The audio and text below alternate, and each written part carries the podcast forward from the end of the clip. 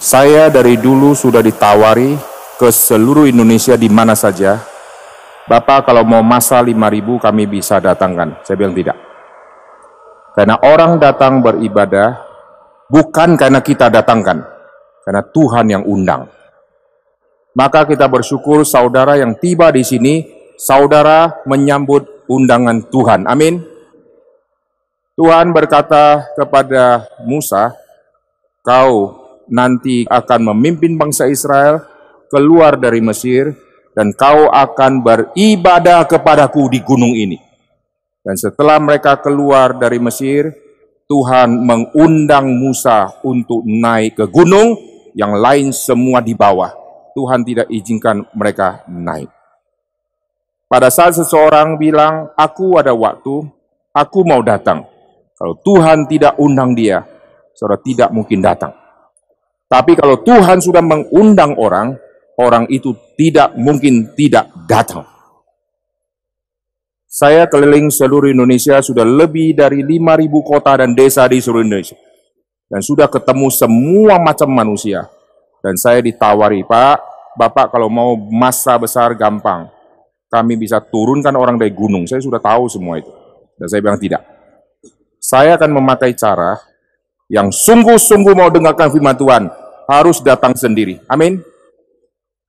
Kenapa banyak orang yang tinggal di kampung, waktu belanja, bisa pergi ke kota belanja tanpa minta orang toko bayarin dia untuk ke toko, untuk belanja, lalu bayar dia untuk pulang. Ini kesalahan fatal di dalam gereja-gereja Tuhan. Orang kalau pergi naik pesawat, dia datang ke maskapai, berani dia bilang, Pak, saya sangat miskin. Ini surat miskin RT RW. Bolehkah saya naik pesawat dengan gratis? Kira-kira jawab maskapai apa? Maskapai bilang, penyalang kau, silakan jalan kaki kau. Orang bisa naik pesawat, orang bisa datang ke bandara, orang bisa datang ke pelabuhan, orang bisa beli tiket, dan orang yang tinggal di gunung, dia bisa ke kota belanja, lalu bisa pulang. Kenapa cari firman Tuhan, kok tidak berani bayar harga? Hari ini tema kita berhubungan dengan bayar harga. Jikalau kita seorang pemimpin tidak menjadi saksi, tidak mungkin domba-domba Tuhan akan mengikuti teladan baik dari kita. Jikalau Yesus tidak berkorban dengan cara yang Yesus sudah kerjakan, tidak mungkin ada misionaris datang ke Indonesia. Jikalau Yesus tidak mau turun dari tata surga ke bumi, maka tidak mungkin ada misionaris mau tinggalkan Eropa, Amerika datang ke Indonesia. Kalau mereka tidak datang ke Indonesia, Indonesia sampai hari ini mungkin banyak yang masih belum mengenal Tuhan. Tapi misionaris rela datang. Dan mereka datang, tidak pernah minta gaji dari orang Indonesia di pedalaman. Dan mereka malah ditombak, dibunuh. Itulah awal kekristenan ada di Indonesia. Darah misionaris dialirkan. Sekarang orang Kristen sudah selamat, manjanya minta ampun. Anaknya bisa pergi ke sekolah. Dia antar anaknya. Waktu anaknya mau ke sekolah minggu, dia minta sekolah minggu jemput anaknya. Lucu ya? Ini manusia, susah. Orang datang ke gereja, dia datang terlambat. Naik pesawat, dua jam sebelumnya, dia sudah standby di airport. Kebaktian jam 7 pagi, dibilang kebagian. Naik pesawat jam 5, dia bisa bangun jam 3, dan jam 3.30 sudah tunggu di airport. Heran. Ini manusia itu sangat aneh. Susah. Saya menghadapi ada mahasiswa-mahasiswa, lalu kalau ikut seminar, minta free. Karena kami mahasiswa, mahasiswa tidak ada duit.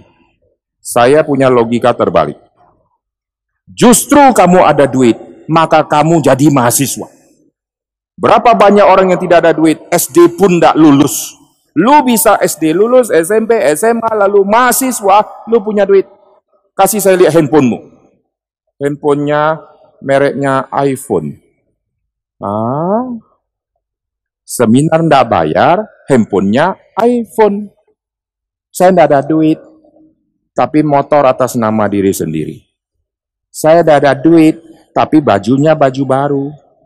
Saya tidak percaya manusia tidak ada duit.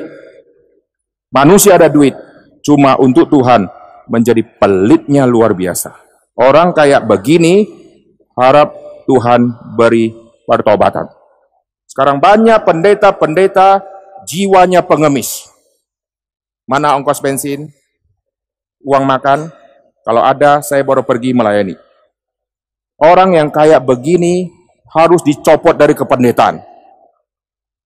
Justru pendeta harus jadi contoh.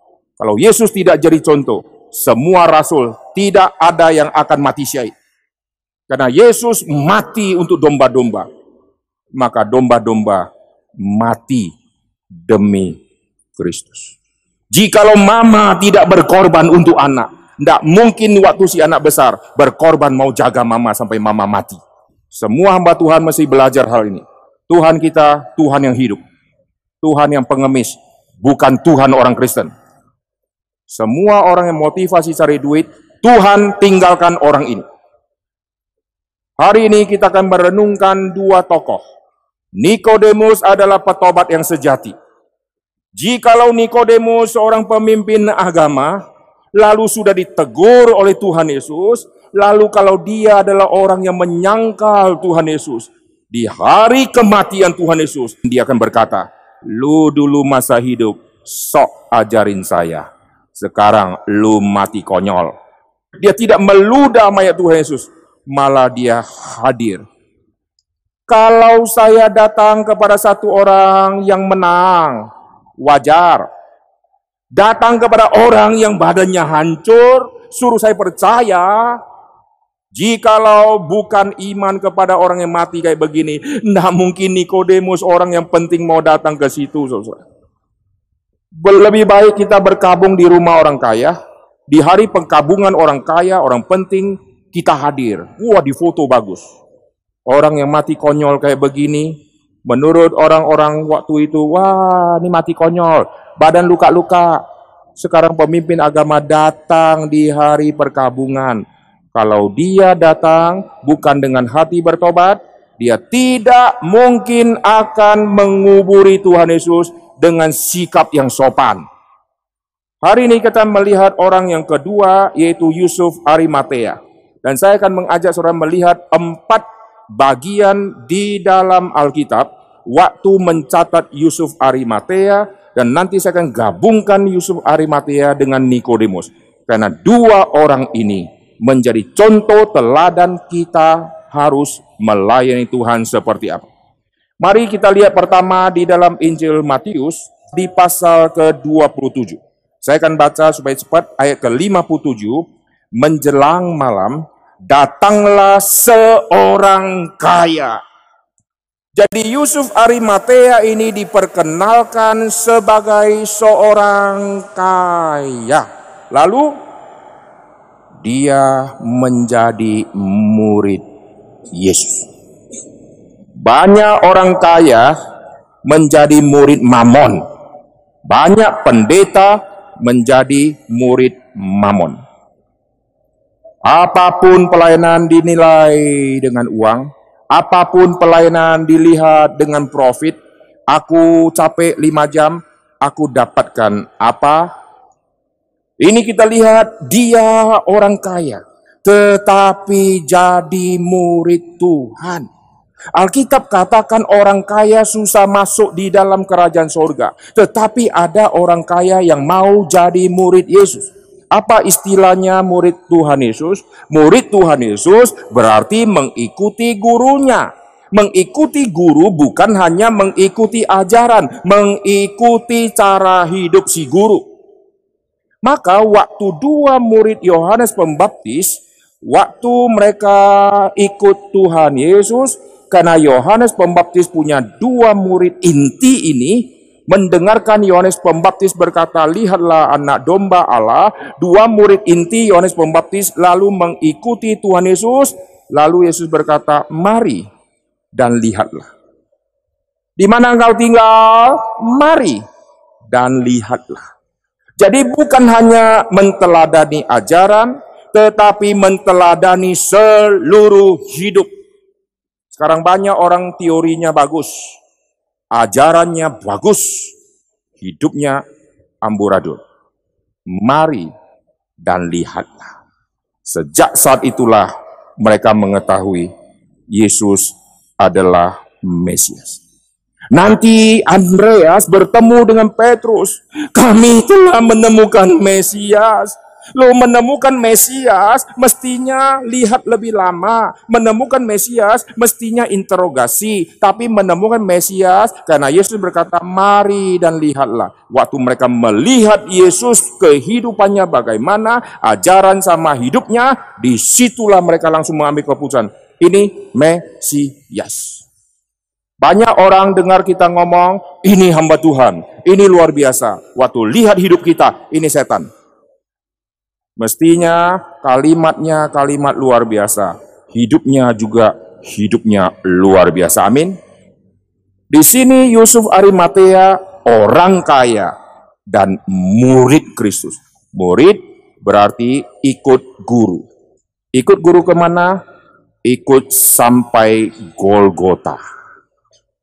Banyak orang ikut Yesus, lalu ikut rajin, tapi berhentinya di Yesus memberi makan kepada lima ribu laki-laki. Sudah makan kenyang, dengar khotbah terlalu berat, cerio Yesus langsung pergi. Ikut Yesus bukan sampai berhenti di perut kenyang. Ikut Yesus sampai ke Golgota, sampai melihat Yesus mati dan ikut Yesus. Yesus tuntut, apa yang kau korbankan bagiku. Saudara lihat di dalam Alkitab, menjelang Yesus mati, sampai Yesus mati, siapakah orang yang berkorban dengan cucurkan keringat, cucurkan energi, dan cucurkan uang. Menilai pelayanan seseorang, jangan lihat hanya keringat karena keringat hilang, gampang kembali. Pulang minum dua drigen, air masuk lagi. Jangan lihat waktu yang dia pakai. Karena Tuhan sudah kasih waktu 24 jam, dia sudah curi waktu Tuhan berpuluh-puluh tahun. Sekarang kelihatan dia 10 jam. Jangan lihat keringatnya banyak, capeknya 10 jam.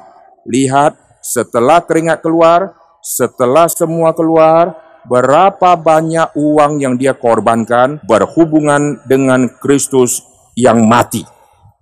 Lihat dari situ. Maka kita lihat menjelang kematian Tuhan Yesus, Yesus nanti akan bertemu dengan Maria. Maria, Marta, Lazarus. Itu tiga orang murid, orang yang Tuhan Yesus kasihi. Waktu ketemu sama Maria, Maria memecahkan minyak yang mahal itu. Yesus berkata, biar dia lakukan itu karena mengingat penguburanku. Saudara jangan kira kalau saudara melayani Tuhan, keringat sudah, waktu sudah, aku orang Kristen yang baik. Tuhan tunggu, berapa banyak uang yang kita sudah terima dari Tuhan sebagai berkat, yang kita korbankan untuk Kristus. Maria waktu memecahkan minyak itu, itu adalah minyak yang harus dipecahkan di hari pertama pernikahan. Pernikahan, lalu bulan madu, kamarnya harus wangi, maka wanita menyimpan minyak ini untuk malam pertama pernikahan, lalu dicurahkan supaya seluruh ruangan penuh dengan harum dan wangi dan mereka bulan madu di situ. Kalau dipecahkan, mesti tabung uang lagi. Kalau pecahkan malam pengantin, malam sukacita, ini pecahkan untuk malam duka cita. Yesus akan ditangkap pada malam hari, tapi dia melihat untuk diri, aku sudah siapkan untuk dipecahkan bagaimana untuk Tuhan, aku relakah yang untuk diri sekarang kuserahkan untuk Tuhan. Maka Alkitab katakan, Yesus berkata, biar hal ini terjadi untuk mengingat hari penguburan. Setiap kali Injil Tuhan dikabarkan, kasus ini akan dikhotbahkan. Barang siapa yang rela memberikan harta untuk pekerjaan Tuhan, untuk Injil keselamatan. Yesus akan berkata, biar hal itu dilakukan untuk mengingat semua. Dan tiap kali Injil Tuhan diberitakan, Tuhan mengingat pengorbanan orang seperti ini. Lalu perhatikan pada saat Yesus mati. Nah, di sini kita melihat Yusuf Arimatea nanti muncul. Nanti kita akan melihat gabungan Yusuf Arimatea sama Nikodemus. Sekarang kita kembali ke Matius tadi, lihat di pasal yang ke-27 tadi. Matius pasal ke-27 ayat ke-57. Orang kaya menjadi murid pergi menghadap Pilatus, meminta mayat Yesus. Orang Yahudi kalau bersentuhan dengan mayat, maka mereka menjadi najis. Di sini kita melihat perubahan konsep di dalam diri Yusuf Arimatea. Orang Yahudi punya konsep begini. Jikalau saya seorang suci, semua Yahudi mengklaim diri suci, apalagi pemimpin agama, saya orang suci. Maka karena kesucianku ini harus dijaga, saya tidak boleh bersentuhan dengan semua yang najis. Kalau saya bersentuhan dengan mayat, saya jadi najis. Saya bersentuhan sama orang kusta, saya jadi najis. Kesucianku dikalahkan oleh kenajisan dari luar. Berarti kesucianku tidak berkuasa. Yesus berkata, jangan kau kira yang luar menajiskan. Justru yang dari dalam itu yang keluar, itulah yang menajiskan. Orang Yahudi punya konsep kalau saya orang suci pegang mayat, saya jadi najis. Tapi Yusuf Arimatea dirubah konsepnya. Bukan yang luar yang menajiskan aku, justru karena aku najis, maka Yesus mati. Kenapa dia minta mayat Yesus diturunkan? Karena Yesus mayatnya harus segera dikubur. Yesus dinubuatkan nanti matinya bagaimana. Yesus dinubuatkan nanti dia akan dikubur bagaimana. Dan Yusuf Arimatea dipakai oleh Tuhan untuk menggenapkan hari kematian Tuhan Yesus yang begitu ajaib itu. Sehingga dia menghadap dan dia menurunkan. Pegang mayat, ini najis. Apalagi pegang mayat orang berdosa. Bagi orang Yahudi, Yesus paling berdosa. Bagi Farisi Yesus paling berdosa. Orang yang paling berdosa sudah dihukum mati. Lu sentuh mayatnya, lu cari mati. Tapi dia tidak peduli. Dan dia bukan hanya turunkan mayat. Turunkan mayat, belum keluar apa-apa. Uang disimpan. Manusia paling pelit kalau sudah keluarkan harta. Keluarkan keringat, gampang. Keluarkan waktu, memang dia banyak waktu luang tapi kalau sudah bicara duit, waduh, ampun-ampun. Sekarang kita lanjutkan karena kita akan melihat empat bagian waktu catat Yusuf Arimatea ini menarik. Lalu perhatikan ayat ke-59, dia ambil mayat, dia mengapani dengan kain lenan yang putih bersih, bukan yang sudah kuning yang bekas-bekas. Jadi datang kepada Tuhan Yesus sudah punya persiapan, sudah beli kain lenan, beli yang putih. Saudara kalau beli kain ada banyak harga. Mau yang sudah usang, harganya sudah turun harga. Mau yang agak bagus, harganya mahal. Untuk mayat, cari yang jelek-jelek saja. Nggak usah yang bagus, karena ini keluarga orang lain. Tapi kalau keluarga sendiri, sepatu untuk mayat kasih sepatu baru. Dasi kasih dasi baru. Baju jas kasih jas baru. Kalau tetangga kasih jas yang sudah hilang kancingnya dua. Lalu kasih saja tetangga. Yusuf Arimatea sama Yesus tidak ada hubungan saudara. Tapi untuk Yesus, dia kasih yang terbaik, kasih yang baru, kasih kain lenan yang putih bersih. Dan itu semua dia beli. Bukan beli suruh pembantu, tolong antar, lu yang bungkus. Lalu dia di kantor tenang-tenang kipas-kipas lalu nonton TV. Tidak saudara. Apa yang dia lakukan? Dia turunkan mayat sendiri. Dia ikut pemakaman sendiri. Saudara perhatikan, inilah jiwa seorang murid. Turun, tidak peduli lu kaya. Lu kaya karena uangmu banyak. Tetapi lu di hadapan Tuhan, engkau hambanya Kristus. Dan dia menurunkan mayat, tidak menggaji orang untuk dikerjakan. Sekarang banyak orang Kristen tidak mengerti prinsip Alkitab. Akhirnya hidup melayani Tuhan pada di hadapan Tuhan, Tuhan berkata, engkau jauh daripada apa yang sudah kutentukan di dalam kitab suci. Engkau bukan murid, tetapi Yusuf Arimatea dicatat murid Kristus. Lalu perhatikan, dia mengambil mayat, dia mengapaninya, lalu membaringkan di dalam kuburnya yang baru. Jadi dia punya kuburan, saudara. Wih, orang kaya kalau punya kuburan, menurut saudara, kuburan jelek atau bagus? Orang kaya kalau punya mobil, apakah mobil jelek? Pasti mobil bagus. Orang kaya kalau makan, pasti restoran bagus. Orang kaya punya apa pun pasti mahal. Orang kaya kalau siapkan kuburan, wah pasti bagus. Semua disiapkan untuk diri sendiri pakai. Tapi apa yang terjadi? Waktu Yesus mati, dia serahkan untuk Yesus yang pakai. Inilah jiwa seorang murid. Amin. Maria, wow, siapkan untuk diri hari pernikahan. Begitu ketemu Yesus, dia pecahkan dan dia mulai nol lagi menabung. Kalau saya besok mati, aku sudah aman karena sudah ada kuburan. Tapi Yesus mati. Yesus kalau dikasih, kalau besok saya sakit jantung mati, saya dikubur di mana? Yesus mati. Kasih yang baru. Sekarang orang kasih ke gereja semua kasih barang bekas. Dulu ada jemaat, dia pindah keluar kota, dia hubungi saya, dia bilang begini, Pak, saya mau pindah keluar kota, saya ada banyak piring, ada mesin cuci, dan semua sudah bekas-bekas. Piringnya bekas, sendoknya bekas, dia serahkan untuk gereja. Saya bilang, lu buang sampah ke gereja. Dan mesin cuci dia yang dua tabung yang sudah kuno, waktu dia bunyi kayak pabrik. Saya sumbang untuk gereja, seolah-olah dia beramal luar biasa. Saya bilang tidak ada orang mau sumbang AC untuk gereja, dia sumbang AC window.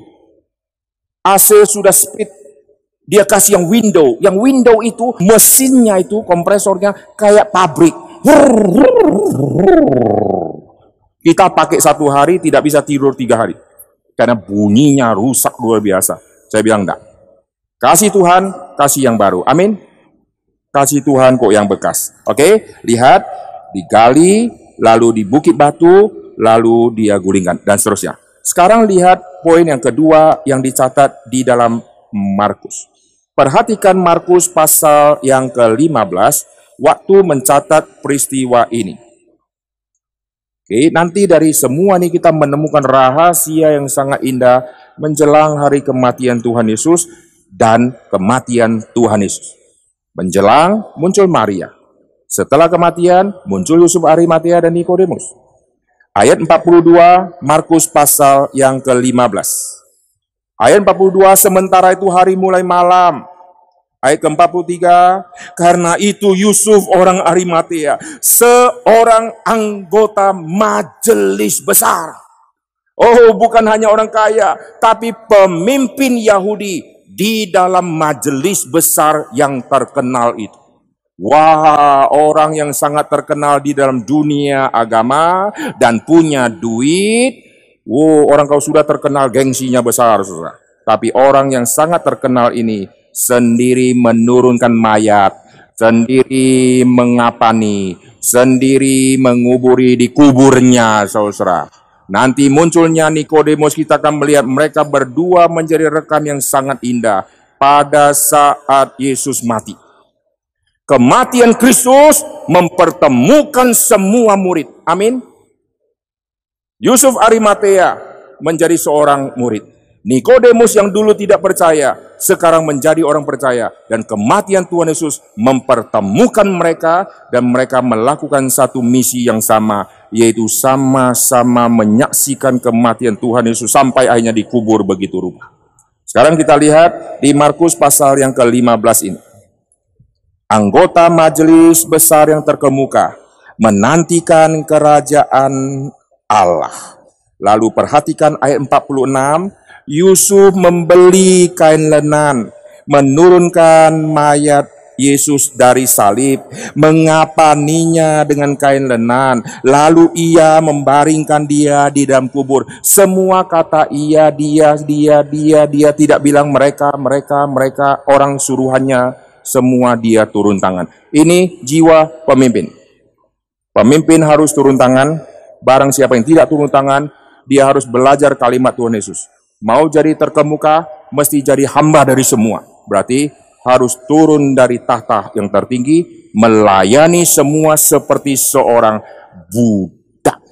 Dan dia layani menjadi seorang pengubur mayat. Bayangkan, majelis besar terkemuka, profesinya luar biasa, sekarang menjadi pengubur mayat. Oh, level jadi rendah, saudara. Menjadi seorang yang beli kain, lalu seorang yang menguburi mayat dari orang yang sangat dibenci orang Israel. Sekarang dia layani orang yang dibenci. Inilah jiwa seorang pelayan yang sejati. Lalu perhatikan, dia membaringkan dia di dalam kubur yang digali di dalam bukit batu kemudian digulingkan sebuah batu ke pintu kubur. Ini poin kedua, dari Matius sudah, Markus sudah. Sekarang saya ajak saudara melihat yang di dalam kitab Lukas. Ini empat kitab mencatat orang ini. Berarti orang ini sungguh-sungguh luar biasa. Jarang peristiwa di Alkitab dicatat oleh empat kitab Injil. Mujizat-mujizat yang Yesus lakukan kadang-kadang dicatat oleh tiga kitab Injil, Matius, Markus, Lukas. Ada mujizat yang dicatat oleh empat Injil, yaitu Yesus memberi makan kepada lima ribu laki-laki. Matius catat, Markus catat, Lukas catat, Yohanes catat. Karena mujizat itulah Yesus menjelaskan tentang kematian dia. Kau harus makan dagingku dan minum darahku. Berarti darah Yesus akan dicurahkan, Yesus akan dipecahkan tubuhnya. Dan mujizat memberi makan kepada banyak orang bukan di roti-roti yang fisik, tapi Yesus akan mati mengalirkan darah untuk semua. Itulah mujizat terbesar, yaitu mujizat keselamatan yang Yesus berikan. Empat kitab Injil catat peristiwa ini. Dan Yusuf Arimatea, empat kitab Injil mencatat peristiwa ini. Puji Tuhan.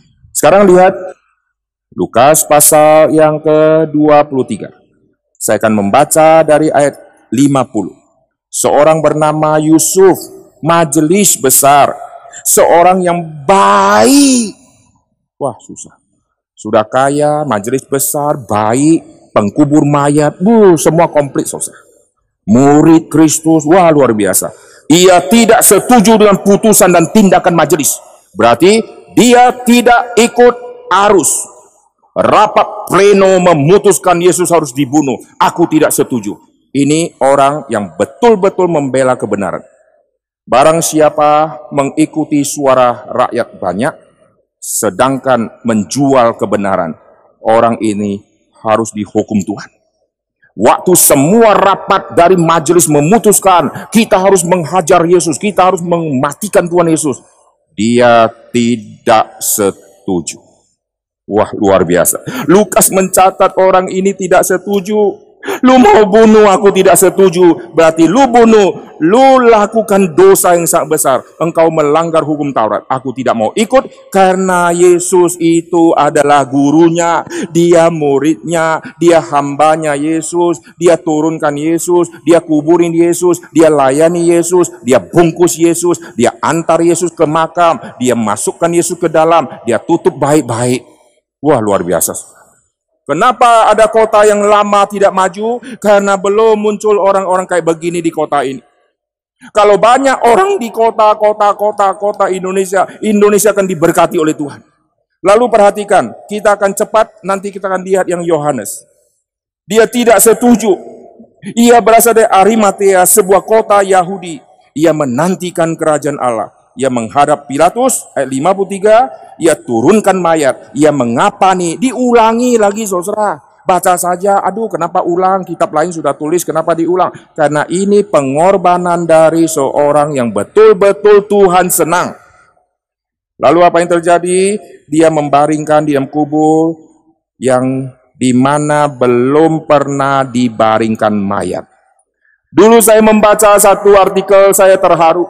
Yesus lahir, pinjam palungan. Yesus mati, pinjam kuburan. Inilah Tuhan Yesus. Amin. Sekarang kita yang ikut Yesus, semua harus minta disediakan. Kok enak, sus? Yesus datang ke dalam dunia, tidak minta disediakan tempat yang bagus. Yesus datang ke dunia, palungan pun pinjam, kandang pun pinjam, karena bukan punya Yusuf, bukan punya Maria. Waktu mati, orang Yahudi yang kaya siapkan makam. Yesus pelayanan tidak pernah pikirkan, saya harus ada satu makam yang view-nya gunung. Supaya waktu mati, rohku melihat tempat yang indah. Tidak ada itu. Mati kuburan pinjam. Orang yang banyak pinjam berarti orang miskin toh? Kenapa Yesus rela sampai begitu? Karena cintanya yang besar itu. Oke, sekarang kita kembali ke yang kitab Lukas tadi. Lukas mencatat dia dibaringkan ke dalam kubur, lalu ditulis belum pernah dibaringkan mayat. Wah, kalau saudara melihat Alkitab, baru tahu kita selama ini tidak cocok disebut Kristen. Kita berani memperkenalkan saya Kristen, cek seluruh hidup dengan Alkitab. Kita jauh dari kata Kristen. Kita bilang aku murid Kristus, kita jauh dari murid Kristus dan kita seperti Nikodemus yang punya semua pengetahuan Alkitab yang banyak tetapi belum pernah dilahirkan kembali. Dan syukurlah Nikodemus pada malam itu akhirnya mendengarkan satu berita baru dilahirkan kembali. Di dalam tradisi Yahudi, tidak ada istilah dilahirkan kembali. Kami orang Yahudi, sunat, sudah tanda perjanjian. Mana ada dilahirkan, dilahirkan. Sunat, sunat, ini sudah sunat. Dari zaman Abraham nih, sudah sunat. Kami sudah ahli waris, sekarang dilahirkan kembali. Wah, ini satu ajaran baru. Dan saat itulah dia harus bergumul, dan akhirnya dia harus mengaku. Yesus benar. Yesus bilang kau harus dilahirkan kembali. Kenapa dia menghormati kematian Kristus? Sekarang saya kasih tahu rahasianya. Seorang ibu melahirkan anak. Ibu harus alirkan darah. Yesus berkata, kamu harus dilahirkan kembali. Karena saya dilahirkan oleh mama, mama alirkan darah, Mama sama papa menikah maka muncul si janin yang namanya Aiter lalu jadi bayi yang besar lalu sekarang lahir. Maka saya anak mama dan anak papa. Karena melalui mama lahirkan aku aku dilahirkan mama alirkan darah. Anak orang lain panggil mamanya mama. Anak orang lain tidak akan panggil mamaku mama. Karena yang alirkan darah untuk anak orang lain adalah mamanya. Lalu saya juga disebut anak Allah. Kalau disebut anak Allah, berarti Allah harus alirkan darah. Maka Yesus harus mati alirkan darah. Waktu Yesus berkata, kau harus dilahirkan kembali. Dia pikir aku masuk ke dalam rahim mama, nanti mama alirkan darah dong. Kau harus dilahirkan kembali. Maksudnya apa? Ada orang yang akan alirkan darah bagimu. Karena mamamu tidak akan sanggup mengalirkan darah untuk engkau. Siapa yang akan alirkan darah bagimu? Yesus yang akan alirkan darah bagimu. Maka waktu dia melihat mayat Tuhan Yesus, dia tahu tidak ada cara lain saya dilahirkan kembali. Yesus harus mati seperti ini. Dan dia datang ke situ, dia kasih minyak mur. Minyak mur adalah simbol untuk yang mati. Orang yang mati adalah nabi. Oh Yesus nabi. Bukan hanya nabi biasa, dialah nabi yang dijanjikan di PL. Akan tiba saatnya Tuhan membangkitkan satu nabi, dan hanya satu, dan inilah orangnya. Maka dia kasih minyak mur. Saudara masih ingat orang majus bawa emas, kemenyan, dan mur. Emas mewakili simbol raja. Raja menerima pemberian emas. Salomo mendapat emas begitu banyak. Kemenyan mewakili tema imam. Imam-imam mempersembahkan korban bakaran binatang. maka lemak harus ikut dibakar. Korban sajian harus kasih kemenyan supaya menghasilkan wangi-wangian. Lalu emas raja, kemenyan imam, mur nabi. Oh dia tidak datang marah-marah Yesus dulu dulu omelin saya sekarang dulu sudah mati rasain dia buang ludah tidak susah. Dia datang dia tahu tanpa cara begini aku tidak mungkin dilahirkan kembali. Sekarang poin terakhir kita lihat yang Yohanes. Perhatikan apa yang dicatat di Yohanes.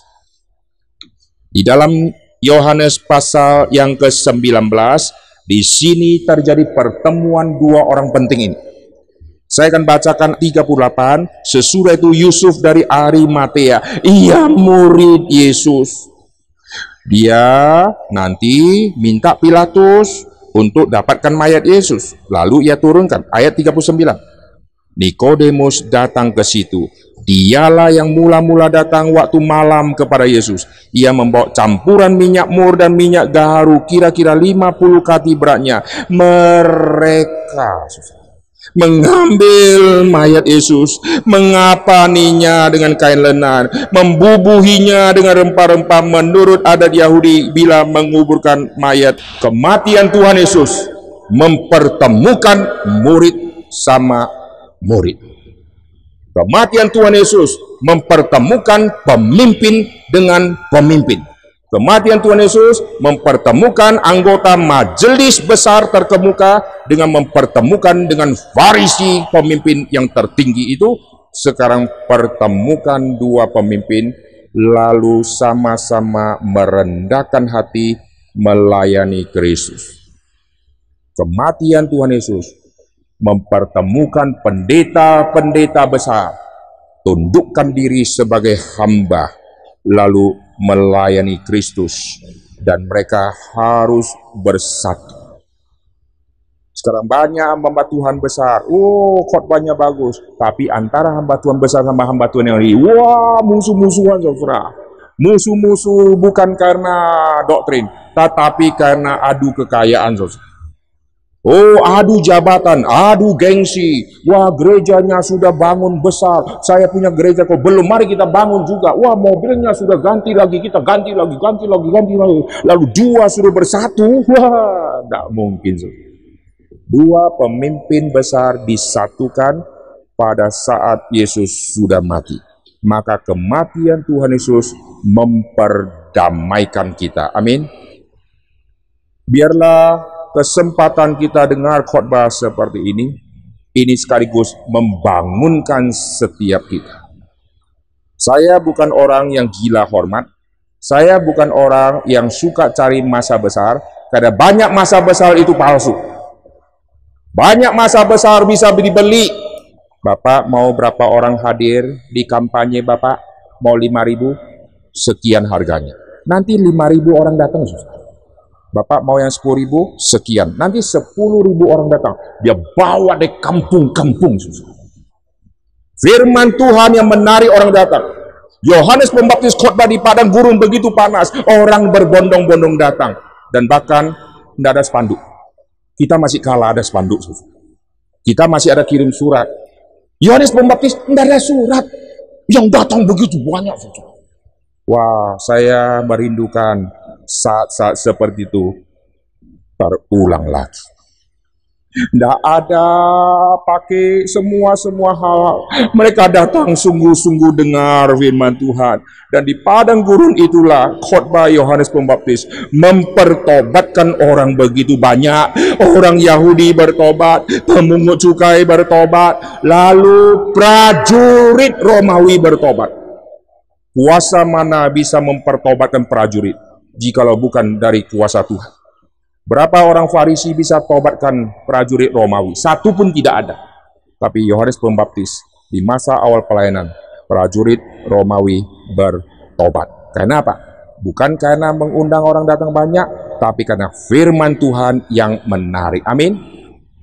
Mulai hari ini, biar gereja Tuhan ada kebangunan. Firman Tuhan yang menarik orang datang. Jikalau mereka datang, karena Tuhan yang mengundang. Dan saya bersyukur semua yang ada di sini, saudara adalah undangan dari Tuhan. Amin. Musa, engkau yang naik, yang lain tidak boleh naik.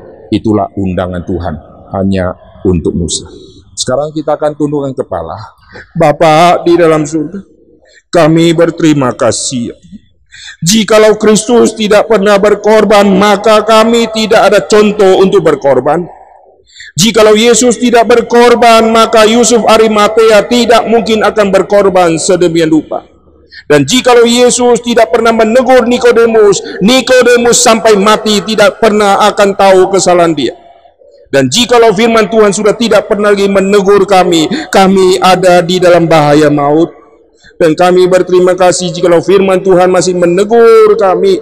Tuhan mencintai kami, maka Tuhan menegur kami. Kami menegur anak-anak kandung kami karena kami mengasihi mereka. Demikian Tuhan menegur kami melalui firman. Karena Tuhan mengasihi anak-anak Tuhan. Bapa dalam surga, hambamu berdoa, Tuhan ampuni kami. Tuhan beri kebangunan kepada kota ini. Tuhan beri kebangunan kepada para hamba-hamba Tuhan. Karena hamba-hamba Tuhan adalah wakil Tuhan yang akan mengutarakan suara Tuhan dan hambamu berdoa untuk setiap saudara kami dari berbagai-bagai gereja. Tuhan tumbuhkanlah gereja-gereja mereka. Dan kami juga berdoa untuk semua kerjasama dari gereja-gereja Tuhan. Tuhan berkati semua gereja-gereja. Tuhan satukanlah gereja-gereja yang penuh dengan hati kebencian. Karena kematian Tuhan Yesus sudah membuktikan mempersatukan dua pemimpin yang besar. Kami berdoa ya Tuhan, beri kedamaian. Tuhan berkati hamba-hamba Tuhan yang ada di perdesaan. Tuhan yang mengetahui kekurangan mereka. Tapi jangan jadikan mereka sebagai hamba Tuhan yang tidak bertulang. Jadikan mereka hamba-hamba Tuhan seperti para misionaris yang tinggal di pedalaman untuk mengorbankan diri supaya Injil Tuhan dikabarkan. Dan jadikan hamba-hamba Tuhan, hamba-hamba Tuhan yang berani membayar harga karena Kristus sudah membayar setiap kami dengan lunas dibayar. Terima kasih Tuhan untuk malam hari ini. Kami berdoa dalam nama Tuhan Yesus, Juru Selamat kami yang hidup. Amin.